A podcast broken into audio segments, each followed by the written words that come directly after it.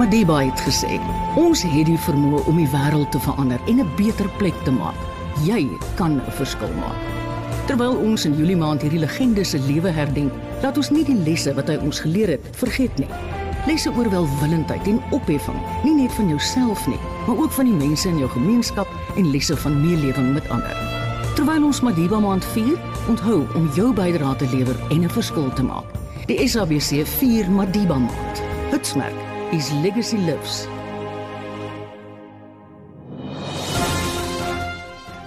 Sondagoggend net na die 7uur nuus het ons splinter nuwe stories oor die lewens van mense.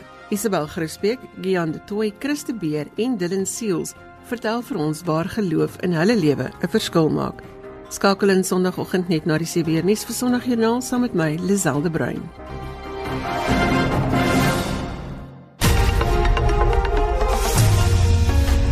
Die Hooggeregshof in Pretoria het opdrag aan die departement van basiese onderwys gegee om die nasionale skoolvoedingsprogram te hervat. Die program moet hervat word ongeag of leerders teruggekeer het skool toe al dan nie.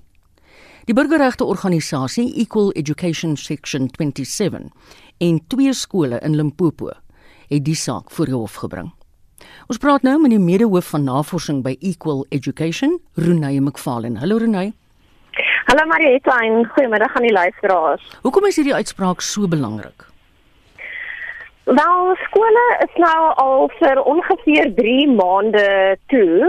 Daar het nou al sekere leerders teruggegaan ehm um, skool toe in te vind, maar vir baie leerders ehm um, is hulle nog steeds nie terug in die skool nie. En ehm um, wanneer skole oop is, is daar ongeveer 9 miljoen leerders reg oor die land wat elke dag 'n maaltyd by die skool ehm um, kry en wat nou al vir die afgelope 3 maande nie daai maaltyd kry nie. Ons weet dat gesinne oor die algemeen in hierdie tyd in die grendeltyd ehm um, baie swaar kry ekonomies en dat baie gesinne sukkel om kos op die tafel te sit. So die huidige omstandighede maak dit net um, nog meer kritiek dat kinders wel toegang het tot hierdie maaltyd wat hulle by die skool mm, kry. Um, en daarom is dit 'n groot dis 'n groot oorwinning, maar dis 'n hartseer ja. oorwinning. Ja. Um omdat ons moet hof toe gaan om die departement te kry om dit te doen. Maar hoekom het hulle in die eerste plek die departement die skema gestaak?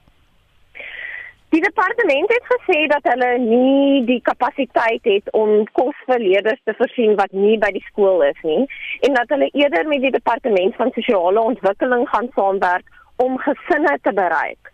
Maar die navorsing wat ehm um, by die uh, Universiteit van Kaapstad gedoen is, het bewys dat die departement van sosiale ontwikkeling net eenvoudig nie die kapasiteit gehad het om laasten by so baie maaltye te verskaf soos wat gewoonlik deur die skoolvoedingsskema verskaf word nie. Renai, hoekom moes hulle nou spesifiek hof toe gaan om dit weer ingestel te kry? Kon hulle nie net geluister het wat hulle vra nie?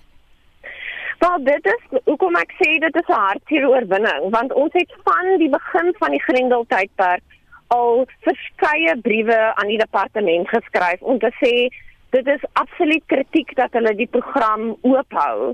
En die minister het op 'n stadium toegegee dat dit belangrik is en gesê dat hulle die program wel gaan uitrol net om toe later weer ehm, 'n um, uh, omkeer te maak en te sê dit is nie op die oomblik moeilik nie hulle moet moontlik nie hulle moet eers hulle voete vind en hulle sal later uh, die voedingsskema uitrol.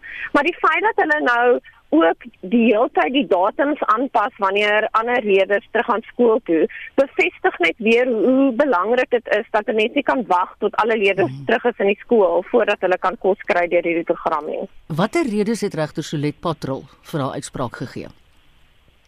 Wel sy het gesê dat hoewel die departement sê hulle het planne om die voedingsskema uit te rol, ehm um, het hulle nie daadwerklik bewys. Hulle kon nie planne op die tafel sit om om die hof te oortuig dat hulle wel aan kinders ehm um, voeding voorsien nie. En daarom is dit nou nodig dat die hof ehm um, 'n oorsigrol speel om seker te maak dat hulle planne in plek het en dat hulle vordering maak um, om om die skema uit te rol. En sy het ook gesê dat uh die departement nie hulle grondwetlike taak om voeding aan leerders te voorsien uitgevoer het nie. Ehm um, so dit is ook 'n groot uh uitspraak teen die departement dat hulle werklik gefaal het in hulle grondwetlike plig. En wat gaan Equal Education doen om seker te maak dat hierdie opdrag uitgevoer word? Wel 'n belangrike deel van die uitspraak is dat die departement en die al die provinsiale ALR 'n plan binne die volgende 5 dae 'n plan aan die hof moet voorsien. Ehm um, waar hulle uitstip wat die stappe is wat hulle gaan neem om nou die program uit te rol. En so ons sal ook ehm um, na daai planne kyk en ons het vir die hof gevra om vir ons die opsie te gee om terug te gaan hof toe as daai planne hmm. ehm um, nie uh nie voldoende is nie. Is ek reg as ek sê Ronay, daar's ook 'n opdrag aan die minister Angie Motshekga gegee? Ja, sy moet ook sy en die ALR moet die moet 'n plan aan die ehm um, aan die oh. aan die hof lewer en sy en die ALR is is almal ehm um, uh, daarvan skuldig dat hulle nie hulle grondwet, grondwetlike plig uitgevoer het nie. Baie dankie Renée, ek is bly vir julle dat julle hierdie ronde gewen het. Jammer dat dit so verskriklike saak was. Dit was Renée. Ek het met haar gesels Renée McFarlane, sy's van Equal Education. 'n Nuwe boek oor die grensoorlog van 1966 tot 1990 het die lig gesien. Daar word nuwe gegevens meegedeel oor veldslae soos Indungu in 1987. Die boek gee ook 'n oorsig oor die gevegte wat tydens die oorlog plaasgevind het. Ons praat nou met Marius Skeepers, die skrywer van die boek Move the Border. Goeiemôre Marius. Goeiemôre Marius. Goeiemôre Marietta, baie dankie, is lekker om jou te gesels. Waar kom die titel Move the Border vandaan? Ja, Marietta, jy moet uh, verstaan die die boek het 'n onderskrif A History of the Greatest Battles of the Gallant Border War 1966 tot 89. Ehm um, nou dit is die oorlog wat daar op die grens van die ou Suid-Afrika en Namibië plaasgevind het met Angola. Ehm um, en daar is 'n baie duidelike grens wat bekend maar staan as die Kaplyn so 460 km en is daar 'n paar riviere. Dis die grens. Ehm uh, en as daar 'n grens is, is daar nou 'n uh, autonomie vir 'n vir 'n land. Ehm uh, nou die grens is 'n vasgestelde lyn. Uh maar uh, die oorlog uh, in daai tyd kon nie plaasvind deur hierdie lyn in stand hou nie. So ehm um, mettertyd en ons kan daar gesels ehm um, uh het die uh, uh militariste 'n tipe van 'n uh, direktief ontvang. Dit is maar so een lyn interpreteer self ehm uh, uh opdrag uh as die lyn dan 'n probleem is uh skuif dan net die lyn. Mm. So die die die lyn is dan van mettertyd geskuif en hy het uh aanhou skuif dieper en dieper in in in die uh, gebied uh van 'n ander uh land. So die kaplyn mm is dan dieper in Angola geskuif uh, en en so die gevegsfront dan op ander plekke plaasgevind. Maar jy so, het al heelwat grensboeke geskrywe. Op watter gehoor het jy nou hierdie boek gemaak? Algemene publiek of historiese? Ja, kyk, ehm um, uh ons moet maar verstaan hierdie is 'n historiese werk. Ehm um, uh die uh uh Indugo veldslag waarna jy verwys uh was deel van 'n meestersgraad studie wat ek begin van die jaar voltooi het op my gevorderde ouderdom.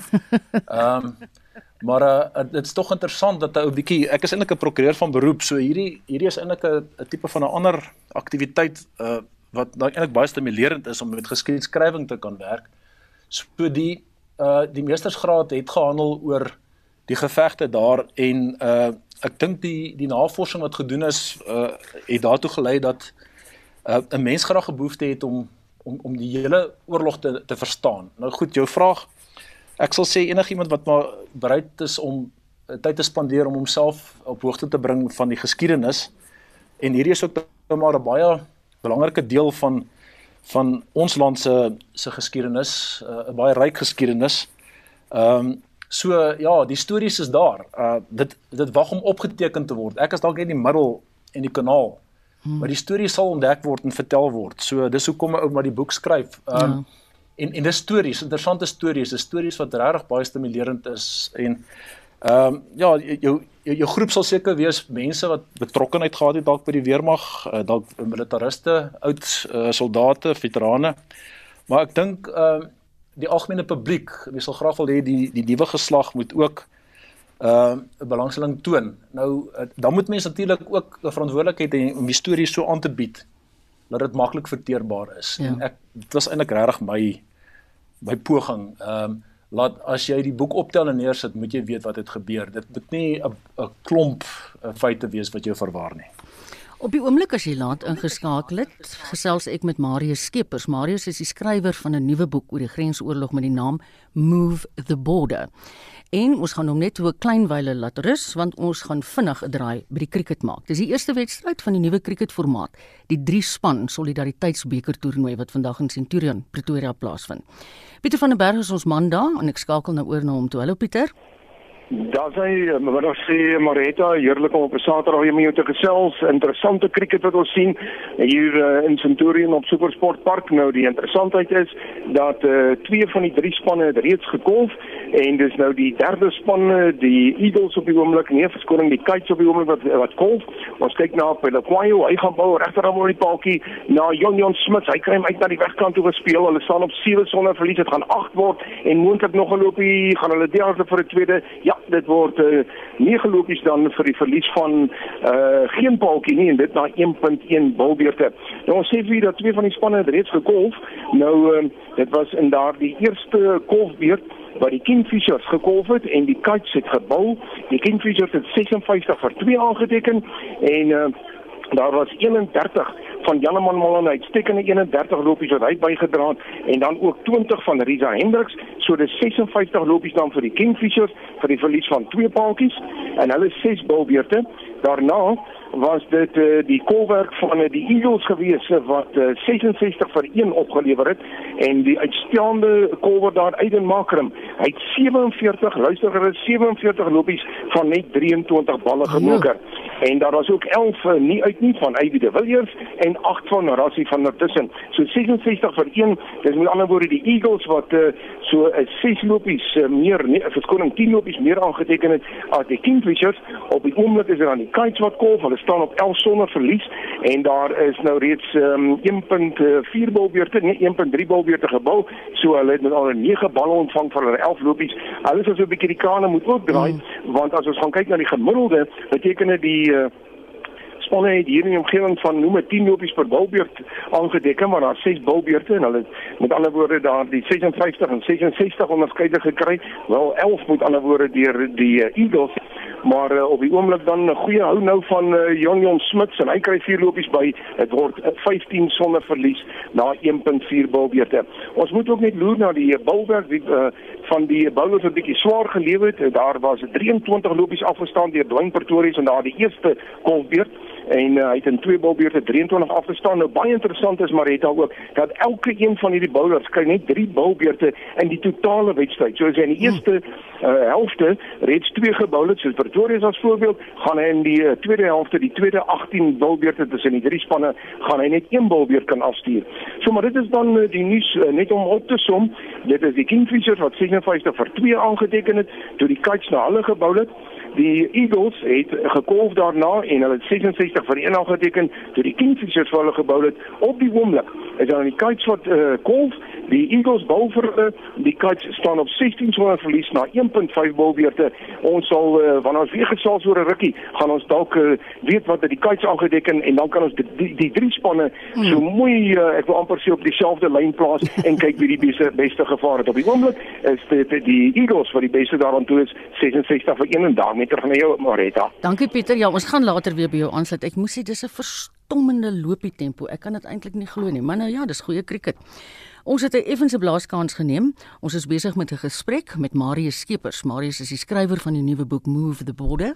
En ek wil op hierdie noot net vir ons luisteraars sê, ons vra om verskoning, daar's so 'n effense pouse en dan hoor mense nog weer van die vrae in die agtergrond. Dis nou maar aan hierdie nuwe grendeltyd wat ons met die tegnologie stoei. So wees geduldig met ons asseblief. Welkom terug Marius. Dankie Marita. Jy het net nou verwys na die gegevens wat jy gebruik in jou boek en het verduidelik hoekom dit so belangrik is. Maar jy skryf veral oor sewe missiele by die Lomba verloop. En dit het blykbaar die hele verloop van die oorlog verander. Wat het daar gebeur? Wat het daar gebeur? Ja, Marita, jy weet, ehm um, uh in in 1987 uh, uh was die uh, uh, uh oorlog al al geruime tyd in die gang. Ehm uh, en uh hierdie ding het geeskaleer. Uh en dit het op groot skaal se semi-konvensionele oorlog daar by Lomma plaasgevind. Ehm uh, waarvoor die uh destydse weermag dalk nie 100% toegerus was nie want hulle het nie die uh, lugoormag gehad nie, hulle het nie die gevorderde uh Russiese vliegtye gehad om uh die grondmagte te beskerm nie. Uh maar dit is nogal interessant hoe innoverend ons wapenindustrie was, die weermag se wapenindustrie van daai tyd. Ehm um, en ehm um, die die geveg as dit op 'n oop veld sou plaasvind uh en daar was groot oop uh, ruimtes waar uh, uh hierdie grondgevegte kon plaasvind.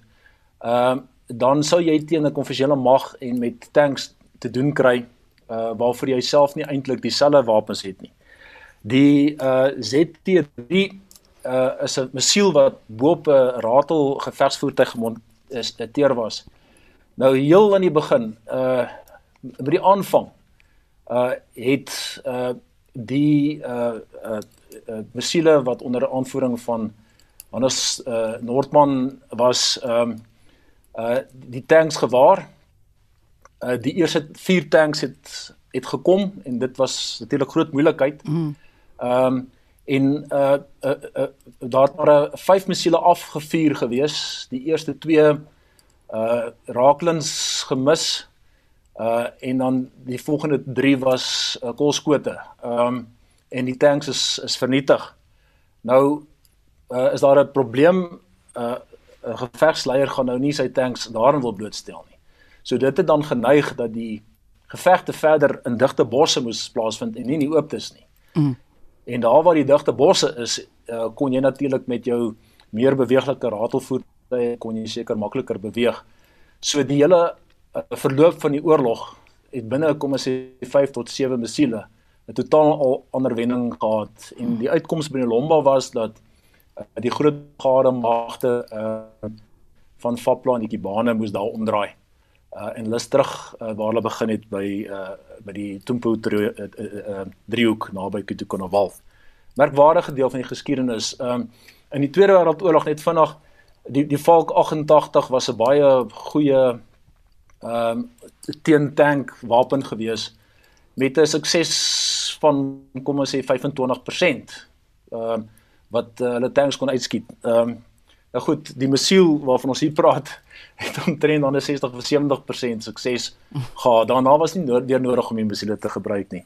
So dit is nou eintlik 'n baie interessante deel ja. van die geskiedenis uh as jy daarna kyk. Die 5 dae se gevegte by Kuvelai in Angola in 83-84 voordat die Fapla basis ingeneem is. Dit speel ook 'n rol in jou boek. Ja, ek um, ek het uh, in 19 ag 2012 het ek eh, 'n uh, boek uitgegee uh, en ek het daar op die storie afgekom uh, van uh, Operasie Askari. Askari was uh in die einde van 1983.84 bittermin was be be bewus daarvan. Ehm um, en ek kon die storie breek. Ehm um, dit is dan nou aangevul met baie meer uh, ons praat van ehm uh, onderhoude oral evidence wat eintlik jou uh, baie goeie uh materiaal is om ehm um, jou geskiedenis ehm um, in die teories het uitgekom nou wat die geveg so belangrik maak is dit is baie is ons besig groot oor die Marius Marius aanval. Hou net gou 'n oomblik vasbleef. Ons gaan kyk of ons jou ja. kan bel. Want hierdie huidige koneksie van ons breek op en jy praat nou baie belangrike goed wat ek seker is baie mense wat nou luister wat ook veterane is definitief wil hoor. So hou net asseblief vas. Ons gaan jou op 'n So hou net asseblief vas. Ons gaan jou Terwyl Mandela aan die Universiteit van Fort Hare studeer het, is hy geskort omdat hy deelgeneem het aan 'n protesaksie deur studente. Sy jare by Fort Hare was egter van onskatbare waarde, want dit is hier waar hy sy groot vriend Oliver Tambo ontmoet het. RSG 4 Mandela Maand.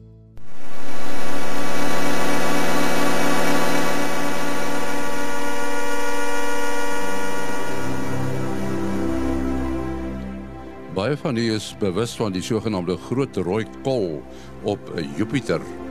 In sterre en planete sondergaand om 08:30 praat ons met Clyde Foster van Centurion wat 'n ander kol naby die groot rooi kol ontdek het. Sonnigand, 08:30 sterre en planete. Welkom terug by Naweek Aktueel. Ek en Frikkie Wallis, ons tegniese regisseur, praat nou, jy weet, hierdie tegnologie, hy jaag van ons van links na regs en van bo na onder. Ons is af van die Skype onderhoud af. Ons is nou terug met Marius Skeepers van Move the Border per telefoon. Hallo Marius. Hallo Marieta, dankie. ons maak jou moeg vandag, né? Ek het weer mag gewees, maar die kommunikasie lyk my uh, na soveel jare het nog steeds vir ons 'n probleem. Jong, ek wil vir jou sê meer die tegnologie ontwikkel hoe maler maak dit my in elk geval. Hoor jy was besig om ons te vertel van die 5 dae toe jy begin opbreek het op jou sein ja. by Kuvelai. Ja nee, dit uh, ek het maar gesê daar was twee redes hoekom dit 'n belangrike moment was in daai 23 uh, jaar lange oorlog. Ehm um, die, die eerste ding was uh, uh die weermag wou graag wys dat hulle 'n groot teiken kan kan inneem. Mm -hmm. Dit was 'n vatplat basis brigade uh soveel as 6000 mense. Ehm um, die pak mag van ESW uh, kon nie meer as 1000 mense gewees het nie. Ehm um, terwyl ehm uh, Fopla uh, ten minste 11 T54 moderne tanks, as jy se tanks gehad het.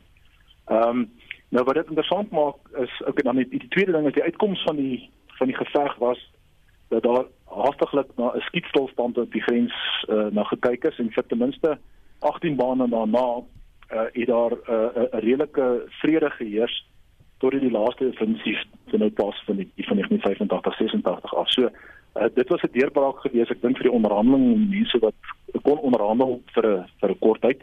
Die ander ding is hoekom dit so belangrik is is uh daar's nie baie voorbeelde van uh, uh in die in die grensoorlog waar oor 5 dae 3 uh, uh, uh, uh, pogings aangewend was om die Suid-Afrika aan te vang. Hmm. Die eerste uh, probeerslag in uh, 31 Desember 83 uh moes die manne omdraai as gevolg van uh probleme met navigasie.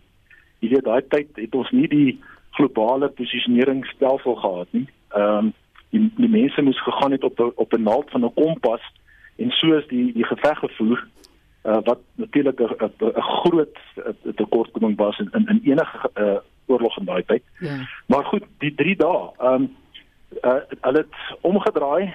Ehm um, 'n bevelvoerder, kolonel Ed van Wol, uh, ingevlieg met 'n helikopter uit sy manne bymekaar gemaak, 'n plan beraam.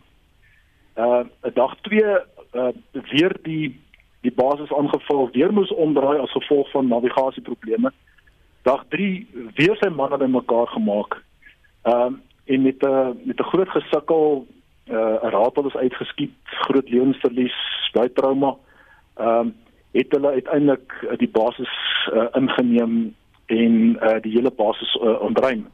Ehm um, en dit was ek dink ehm uh, die verloop van die oorlog het 'n groot moment wat het gewys dat die weermag met met met basiese wapentuig, gestel van pansermotors, nie groot tanks uh, of artillerie nie, uh dat hulle 'n uh, 'n uh, brigade kon kon aanvat.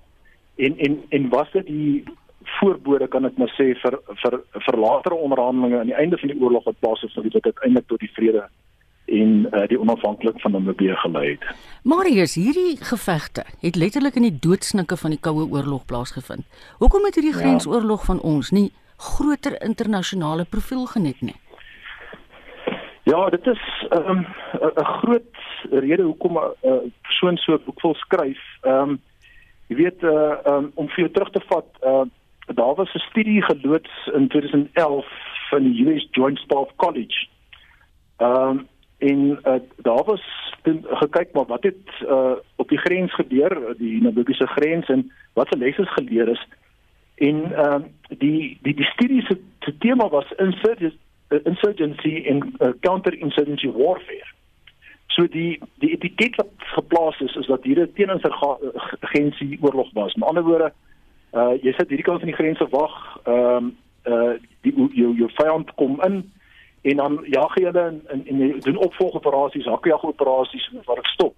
Uh hy verwys dan net as 'n is 'n is 'n nagedagte dat daar omdat daar so min uh mense op die grond was, ehm um, uh, uh, en dit so moeilik was, uh moes daar tog na gekyk word om te kyk om die geveg na die die agterplaas te te te, te stuur. Mm. En dis waar die studie eindig en dit is hoe hierdie mense se beskouing is ja.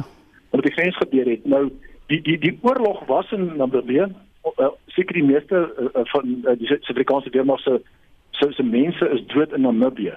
Maar die gevegte uh, en daar is oor die 300 uh, wat ons noem algemene operasies en dan ten minste 20 spesifieke operasies grootskaalse oorlogvoering die kant die kaplyn, naamlik waar ja. die grens dan nou geskuif is, plaasgevind.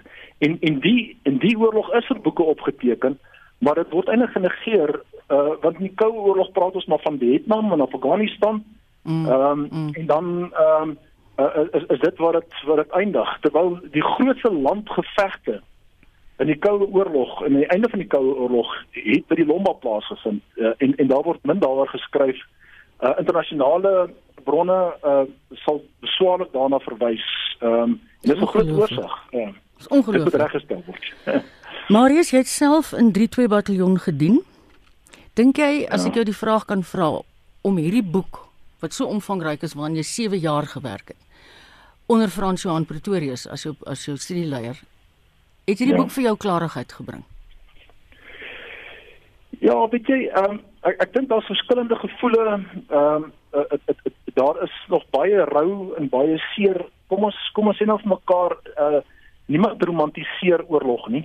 Ehm um, die menslike oombering en uh dit wat oorlog uitbring, daai fisieke uh, uit te vermoë, waagmoed.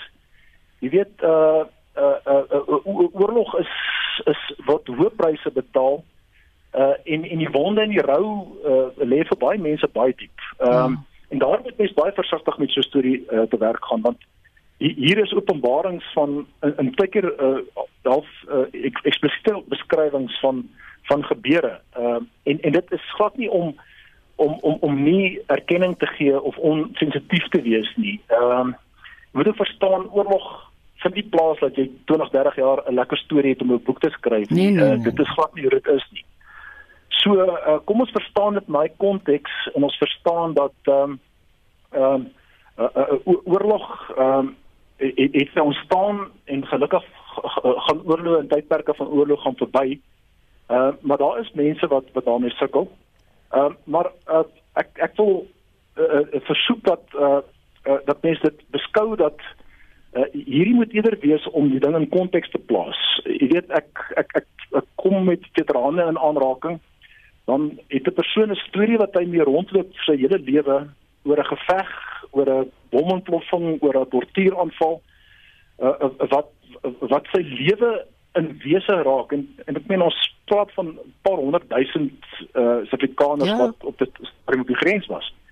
Ehm um, maar die persoon uh sal nie weet uh, waar hy was en wat hy gedoen het nie. Ehm um, So as jy kan bepaal min of meer watter maand dit was en in watter plek dit plaasgevind het, dan sal mens sekerlik vir die persoon kan sê maar goed, weet jy, jy was eintlik dan met ander woorde 'n uh, 'n uh, deel van uh, op Firehood, maar jy was in 'n in 'n sekere deel gewees. Jy het eintlik 'n tipe van 'n uh, aanvalsmag wat die vyand se aandag moes aftrek. Jy was nie waar die oorlog plaasvind het nie. En dan is dit heeltemal openbaring vir 'n persoon om te dan vir eers seker begryp. As ek 'n voorbeeld kan gebruik, jy weet, um, ja So ehm um, uh, hierdie boek ehm uh, sal vir jou min of meer wys uh, wat wanneer het wat plase vind. En die boek is opgedeel in in in logiese fases en ons behandel natuurlik die die hoofmomente van die oorlog die die spesifieke operasies. Ehm um, so het, het, het, dit behoort te bydra te, te lewer dat 'n persoon verstaan wat het gebeur en en wat sy rol was. Uh, uh, uh, uh ja. dit 20 30 jaar 40 jaar gelede. Weet jy Marius, ek het 'n vriendin wat haar doktorsgraad in traumatologie gedoen het. En sy hmm. sê vir my want jy het net nou verwys op hierdie laaste stadium van jou lewe het jy die boek geskryf, maar sy sê vir my baie mans, baie mans, die oorgrootste meerderheid wat na haar praktyk toe kom, kom met hierdie probleme. Ja. Ja. Ehm um, daar is daar is hoop. Uh, jy weet ons moet maar verstaan uh, in die weermag daar ehm uh, ons praat hier van die uh, vroeë 80s ehm uh, uh het jy grens toe gegaan en jy teruggegaan huis toe en uh, die grens was ver uh, dit was daar aan die ander kant dit was 'n geheime ding by die, by die huis die jy van niemand vertel nie. Niemand het geweet wat met jou gebeur het nie en en niemand het jou hier as 'n held ontvang nie. Uh, jy moes net eenvoudig inskakel in die samelewing. Mm. Ehm um, en ek dink dit was 'n geweldige slag vir mense en en 'n moeilike ding om saam te lewe. Ons is die, die soldaat van daai tyd is geleer om dit te kan vat. Uh jy's 'n man wat dit kan doen. Ehm um, en en jy's gekeer. Uh die ouens wat hierdie kering nie gemaak het nie, het gewoonlik uitgeval, maar die ou wat wat bietjie vasbyt gehad het, hy het uh, in in die moeilike situasies beland. Ehm um, en hy moes dit sigies uh, fisies hanteer. Ehm um, so ehm um, daai klarigheid is is nooit verkry nie. Ehm um, en ehm uh, dit is jammer dat ehm um, uh, dat daai geleentheid om nie voorgedoen het nie. Uh, maar uh, ek ek daar's soveel hulp beskikbaar uh, en en ek dink die, die die mense staan by mekaar ehm uh, uh, uh, uh, uh, vriende help vriende jy weet ja. ehm ja. um, en, en en dit dit dit is baie berusting vir baie mense. Aan julle jy behoort aan 'n veterane vereniging, né? Dis reg ja. Waar kan 'n mens met hulle in verbinding tree as iemand nou luister hierna en graag met julle ja. kontak wil maak? Ja, weet jy ehm um, die die die gemeenskap wat doen het met uh, veterane en uh, die era is 'n geweldige uh, gemeenskap. Ehm um, ek het ek het maar net hierdie week weer gaan kyk. Uh, jy weet, uh, lyk my uh, sosiale media op Facebook het min of meer die mense wat nou ouer as 50 is, want ek dink meeste van die veterane is min of meer daai kategorie. Mm. Het hulle begin ontdek en hulle doen dit al vir 'n paar jaar. So ehm um, uh, uh, daar is geweldige groot groepe. Ehm um, ek het net vinnig getel van die 12 groepe wat ek gekyk het. Is daar ten minste 7 wat meer as 10000 lede het. Mm. En dan het ek getel nog 7 wat meer as 5000 lede het. Die grootste groep is 76000 lede. Ja. Nou as jy daai groep gaan en jy gaan sê ek is so en so, ek wil graag meer weer weet oor so en so. Dan gaan iemand jou antwoord, ja. 10 mense, 10 mm. mense gaan jou antwoord.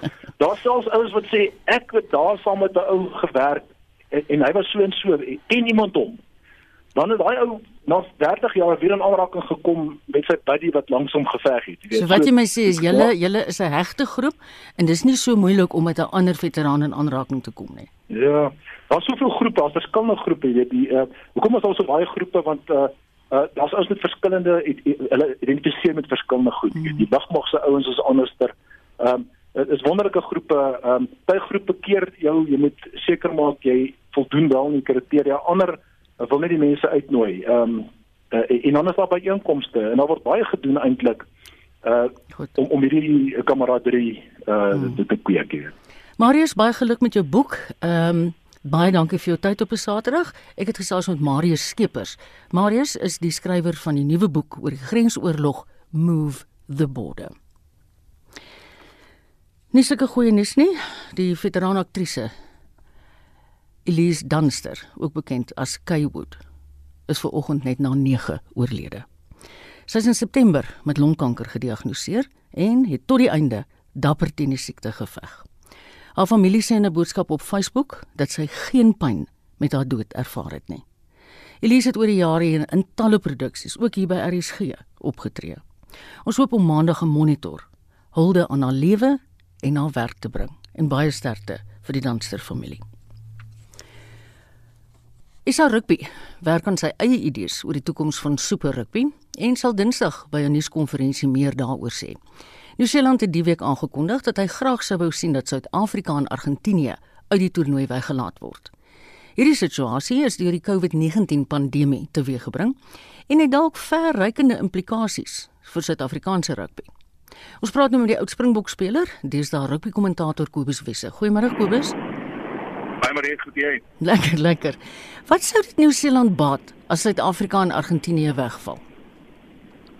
Ja, dit is 'n baie interessante uh, aanduiding van hulle en ek dink dit is dit is eintlik 'n baie teleurstellende aanduiding as jy in ag neem die geskiedenis tussen die twee lande, ons en, en Nieu-Seeland al die jare die die uh, Super Rugby kompetisie, die rugby kampioenskappe, toetsreekse ensovoorts en of dit nou heeltemal die waarheid is dat hulle die COVID pandemie voorgooi, ek byt nie heeltemal daaraan nie want die kompetisie gaan nie baat van naby nie. Dis jy se sukses om met hierdie vier lande daaraan daaraan deelneem. Ehm um, en ek dink dit sal baie van sy impak verloor, baie van sy toeskouerstalle uh, getalle verloor indien dit net tussen daai twee lande gaan wees. Ek weet nie, miskien is hulle idee ook dalk om die kompetisie heeltemal te verander. Mm. Is dit 'n goeie ding vir die Stille Oseaan streek?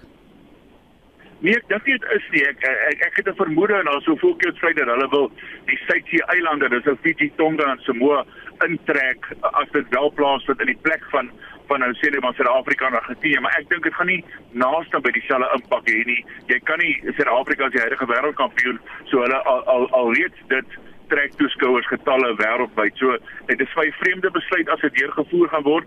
Ek weet nie of dit die regte besluit is nie. Wat is die implikasies vir die bokke en vir Suid-Afrika? Wel ons moet innoveer dink. So Yuri Roux en sy span sal baie beslis moet uh, met 'n nuwe idee voor 'n dag kom wat wat wat nou wat gaan gebeur met die, met die provinsiale spanne uh, is dit dalk 'n lewenslyn vir die Karibeker om weer 'n impak te hê dat die fokus meer gaan na Karibeker toe gaan dit wees dat die provinsiale spanne gaan deelneem in die Europese kompetisies wat ons word afgedwing in daardie rigting nou so daar kan daar kan positiewe dinge uitkom maar is wat baie vinnig en baie innoverend moet dink van Saro se kant af En wat van die jaarlikse rugby kampioenskapstoernooi?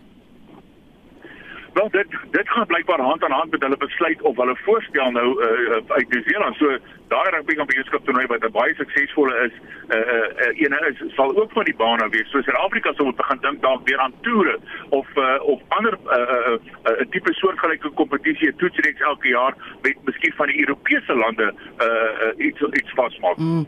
En wat van Argentinië nou? Ja, dit is eintlik teleurstellend. Ek dink vir hulle net so groot gatslag. Ek bedoel, dit het lank gevat om in te kom. Dit was die regte besluit om hulle in te trek as 'n suidelike halfgrondland.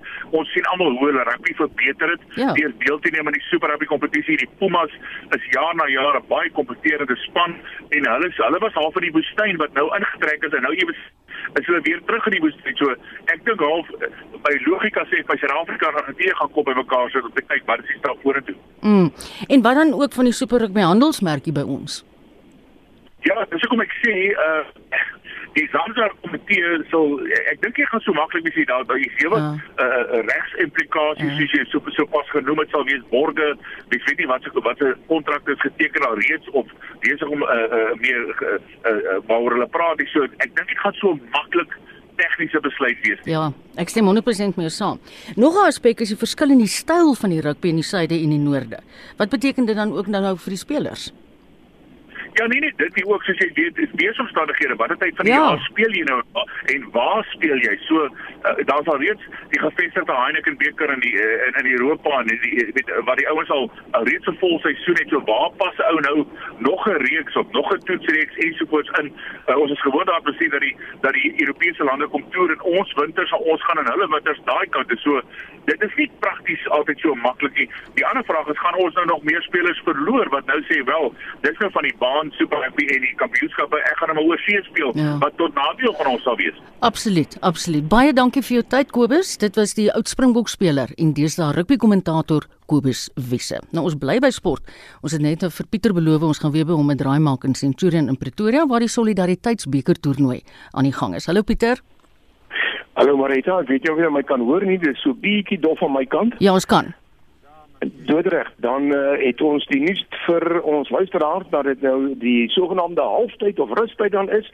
Dit is met ander woorde die breek tussen die twee helftes van die krieket. Daar is 'n totaal van 36 bilbeurte wat gespeel word. Nou die eerste 18 bilbeurte is verby en kom ons gee vir julle 'n opsomming wat uh, die eerste 18 dan betref. Dit is uh, die Kingfishers wat vandag eers gekolf het. Hulle het 56 vir 2 in hulle 6 bilbeurte aangeteken. Janeman Malan uitstekende 31 lopies van net 16 balle. Dan was daar 'n Norkee wat wat die bouwerk aan betref wat uh, een paadjie vir 5 lopies gekry het. Daarna die Eagles kom kolf. Hulle het 66 lopies vir die verlies van 1 aangeteken en dit is Aiden Makram wat daar uh, 47 aangeteken het van 23 balle. Vir die Kites, hulle het op die einde na 6 balbeurte geëindig op 58 vir 1 en dit is uh, Jonion Smits wat 36 aangeteken het van net 19 balle. Ek ek kan jou hoor Pieter. Ja, wat die uh, spanne dan dan betref, die beste die Eagles 66 vir 1, die Kingfishers 56 vir 2 en uh, die Kites 58 vir 1. So baie naby aan mekaar, net 10 lopies uit mekaar uit uh, en uh, dit sal dan in die tweede helfte wees die Eagles wat uh, eerste gaan kolf, die span met die meeste lopies sal eerste kolf en uh, ons sal kyk watter span vir hulle dan uh, sal bil. Dit gee ook vir ons 'n bietjie kans maar het om te loer na van uh, die ander sporte uh, wat op die oomblik aan die gang is. Dis natuurlik die tweede toets tussen Engeland en uh, die Wes Wes-Indiese eilande. Dis Engeland wat 469 vir 9 aangeteken het, verklaar en die Wes-Indies het gestaan op 32 vir 1 gisterand aan die einde van uh, dag nommer 2. Dan wat uh, golf aan betref, Ons kyk na die um, golf daar in Amerika eerstens. Dit is uh, die, die Memorial toernooi wat in Ohio gespeel word. Ryan Palmer en Tony Finau die voorlopers op 900 syfer. Ons sien dat Christian Besaidnout is op 300 en Dylan Fratelli ook op 300 en in Europa is dit Robin Scott Siegrist wat die voorloper is op 1600 syfer. Hy's drie houe voor Richard Mansell wat op 1300 is met Suid-Afrikaanse Garrick Higo op 900 syfer. Dan wat rugby betref, die Hurricanes het so rukkie gelede die Blues met 29-27 geklop. Môre speel die Chiefs die Highlanders. Dit is natuurlik daar in Nieu-Seeland en dan in Australië. Die Reds het gister met die Western Force afgereken 31-14 en uh, dan was dit uh, so rukkie gelede die Waratahs wat voor was teen die Brumbies 23-17.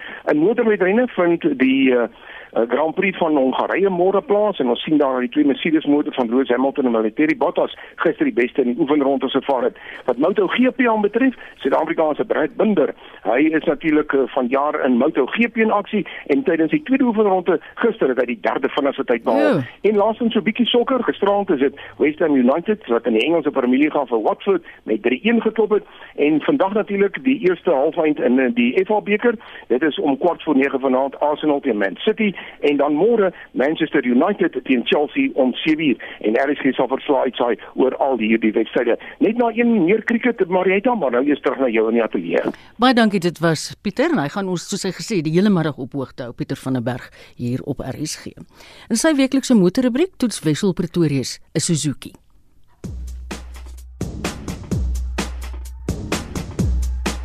Motoriste wie se rybewyse tydens die landwyse inperking verval het, het nog 90 dae grasie gekry om dit te hernie tot einde November. Talle verkeersafdelings landwyd is weens uitbrekings van die koronavirus gesluit. En die publiek sukkel om datums aanlyn te kry om hul rybewyse te hernie. En behalwe rybewyse word die grasie ook gegee aan leerlinglisensies, lisensieskyfies, tydelike permitte padwaardigheidssertifikate en professionele bestuurspermitte.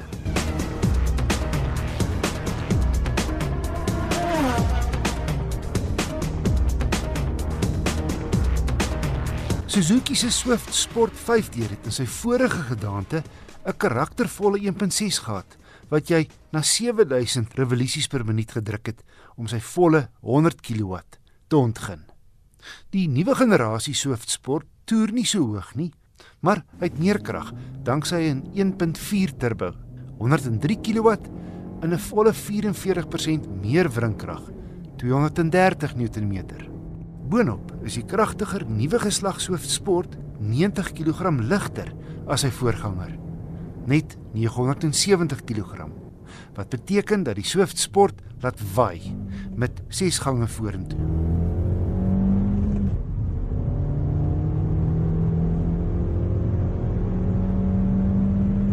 Kaartuitskrif het 0 na 100 in 'n heel skaflike 7,9 sekondes afgelê. Sportsitplekke gryp jou vas. En om entoesiastiese draaie teen lae of voorspoed bly die knaap rats en gebalanseerd. En die stuur vinnig en presies.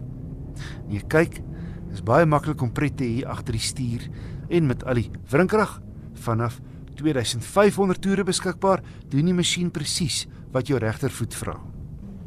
Hoewel die vering ferm is met 50 profielbande, is die rit nie ongemaklik nie. Al klein negatiewe is die Ratkiri se effe losserige wisselaksie. Verbruik was 'n goeie 6.5 liter per 100 km op my gekombineerde stad en ooppadroete. Anders as die meer besadigde en goedkoper Swifts, kry die sportmodel 'n netjiese aggressiewe voorkoms buite wat hom laat uitstaan soos fris uitlaatpyp aan elke kant. En binne subtiele rooi strepe en rooi stukwerk op die sitplekke en leerstuur. Die plastiek in die kajuit is egter aan die harde kant en kleiner goed soos 'n selfoon of sonbril skuif onnodig rond in die sentrale konsole voor die radkierie. Maar uit 'n goeie dosis standaardkenmerke soos klimaatbeheer, spoedbeheer en 'n 18 cm sentrale skerm wat 'n driebeeld gee en Android Auto en Apple CarPlay versoenbaar is. Verder ses lugsakke en elektroniese stabiliteitsbeheer. Om op te som, die pretfaktor is hoog in die Suzuki Swift Sport. Maar dis terselfdertyd 'n blitspiks wat baie maklik bestuur as 'n daaglikse ryding. Teen R327.900 kry jy nie meer krag en pret vir jou geld nie. Slegs met die Abarth 500 in die Fiat stal, maar dit heelwat minder spasie.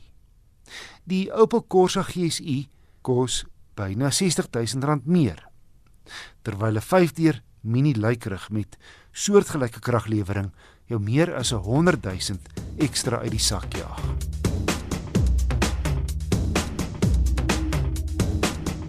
En dit was Wessel Pretorius. Oorbevolking en ontwikkeling dreig om die Suid-Kaapse biodiversiteit te vernietig. So sê Kobus Meyring, die voorsitter van die Suid-Kaapse Grondeienaarsbeweging. Volgens hom is dit eintlik ironies dat dit wat mense lok om na die Suid-Kaap te trek, nou juis besig is om te kwyn weens die toeloop van mense. 'n Voorbeeld is die plaaslike bevolking van die Kaapse Dassie wat nou uit wildernis verdwyn het weens 'n tekort aan natuurlike habitat. Ons praat nou met Kobus hieroor. Goeiemôre Kobus. Hallo Marita en alle medelee oor die hele van Elise Skyward. Ons daar verloor ons nou Suid-Afrikaanse biodiversiteit. Hoekom het die Kaapse Dassie in julle omgewing by wildernis verdwyn? Ehm uh, kyk wat hier in die uh, tuinroete gebeur is is nie uniek tot die tuinroete nie. Dis dis 'n uh, nasionale situasie waar uh die populasie toenemend skuif na uh, groter stede en waar meer werksgeleenthede is en sekerlik waar daar beter funksionerende munisipaliteite is. Ek wil net vir julle vra, ek hoor erns klank lek. Is dit aan jou kant of is dit aan my kant Kobus? Ehm uh, nee, ek weet wat maar julle baie swak kant. Goed, okay. En hoe mate het julle omgewing in die laaste 10 jaar ontwikkel sou jy sê? Kan jy my hoor Kobus? Ja, ja, nou het ek dit duidelik ja. Hoe het julle ontwikkel in die laaste 10 jaar? Kyk, ehm um, ek dink die tuinroete het net sê maar eintlik nie die laaste 10 jaar maar die laaste 30 jaar al als oor kop ontwikkel. Ehm um, baie mense praat dis van die konkrete roete in steede van die tuinroete omrede hier so baie nuwe ontwikkeling plaasvind. Ehm um, en dit is hartseer, die tuinroete is 'n baie klein area as jy omvat van die Tsitsikamma basies tot in Bosselbaai skaars 140 km. En uh Ja, dit is baie nou, jy weet, hy's vasgedruk tussen die um, Indiese Oseaan en die Outeniqua bergreeks en ons baie min spasie op die kusplateau wat al reeds baie intensief geboer word, veral met melkbore uh en en beeste wat ons hier sou het en dan natuurlik elke plekie waar daar 'n strand is, daar strandhuise ehm um, weergaloos word enorme plekke opgebou en dan plekke soos George Mossel Bay het 'n populasie ontploffing ervaar in die laaste mm. sê maar 20 jaar uh, ongeken. So daar's baie min spasie hier oor vir die natuur om te oorleef en ehm um, mens sien dit daagliks nuwe plekke wat goedkeurings kry vir ontwikkeling en dit is kommerwekkend want ehm um, ons gebruik die die die verdwyning van die uh, Kaapse dassie uit ons area net as 'n voorbeeld ja, ja, ja. om te sê kyk uh, dit geld vir al ons biodiversiteit in hierdie area. Dit is soos jy sê ek moet sê as ek terugdink daar is daar is geweldige ontwikkeling in die Suid-Kaap. Jy praat nou van die dassie maar raak dit ook vol spesies daar by julle? O ja. Ja, kyk baie van die vol spesies wat mense noem endemies, maar dit kom net hier voor uh, hulle is hulle is aangepas by 'n spesifieke omgewing in, in hierdie area by ons hierdie bergwoude ehm um, is klein en ehm um, elke nuwe huis wat opge, opgerig word kap 'n hektaar van hierdie woude uit en daar is eenvoudig net nie meer habitat vir goed nie. As jy vat um, die verdwyning van die dassie dis same daarmee die witkruisarende uh wat wat al reeds um, skaars was het net heeltemal verdwyn. Hulle kon glad nie meer in hierdie area voor nie En natuurlik het ons nou kleiner spesies hier wat ehm um, jy weet soos die, die verkeermannetjies en die spookparas eh uh, verskeidenheid van van kleiner vertebrate wat net nie meer eh uh, plek het om te leef nie. So elke ou bou van 'n nuwe huis en en hy het die reg om dit te doen, maar terselfdertyd moet ons net mm. bewus wees dat ons kap ons eie paradys uit. Ja, dis ironies, né? Nou. Ja, dit laat my dink aan daai liedjie van die Eagles, if you call a place paradise, you can kiss it goodbye. dit is omtrent wat hier gebeur. Baie sleg. Hoorie Kobus, watter rol speel die beskikbaarheid van water en ander natuurlike hulpbronne daar by julle? Uh, dit is die dit is die oorwegende ding, né? Nee. So ek dink ons kyk ehm um, na ons rivierstelsels as basies die mees belangrike slagare wat ons moet uh, beskerm in die dekades wat voorlê en ons moet hulle red in terme van die watergehalte wat ons het, nie net omdat dit die die geweldige nuwe populasie wat hier is afhanklik is van daai water nie, maar om dit ook die enigste plekke is waar biodiversiteit nog 'n kans staan om die riviere diep is en jy, jy tipies nie daar kan boer of huise daar bou nie. So dit is vir ons uit 'n bewaringskonteks uit ja. uh, die waardevolste geografiese areas. Kobus heeltemal iets anders. Ek is sommer nuuskierig omdat ek nou met jou gesels. Is die Nysna omgewing mooi herstel? Baie. Baie van die areas het fantasties herstel. Ehm um, teleurstellend egter on, on, ons was nou op 'n op 'n ehm in daai area om opname te gaan maak oor hoe lyk dit met die brandseisoen wat voor lê. Mm -hmm. En baie van die areas wat afgebrand het is nou net baie baie slegte toestand. Ehm so ek weet nie nice na in terme van die herhaling van 'n brand van die aard van sade dit is beslis nie uitgesluit nie en intendeel ehm um, ja dit is 'n toedrag van sake. Ja. Dit is iets om oor te bekommer. Maar ek dink ek dink daai grondeienaarsbeweging waarvan jy nou die voorsitter is, doen baie goeie werk en ons sê dankie vir julle. Dit was Kobus Meyering, die voorsitter van die Suid-Afrikaanse Suid-Kaapse, herhaal ek myself, grondeienaarsbeweging. Ja, die mens, né, nee, die mens. Ehm, um, dis die einde van vandag se program. Namens Hendrik Martin wat ons redakteur is, sê ek totsiens ook vir Kies Wallis wat ons tegniese regisseur is. Geniet die middag saam met Charlene in die geselskap van RSG en onthou Pieter gaan deurlopend vir ons op hoogte hou van wat in die cricket in Centurion aan die gang is. 'n Lekker naweek vir almal. Bly warm, bly veilig.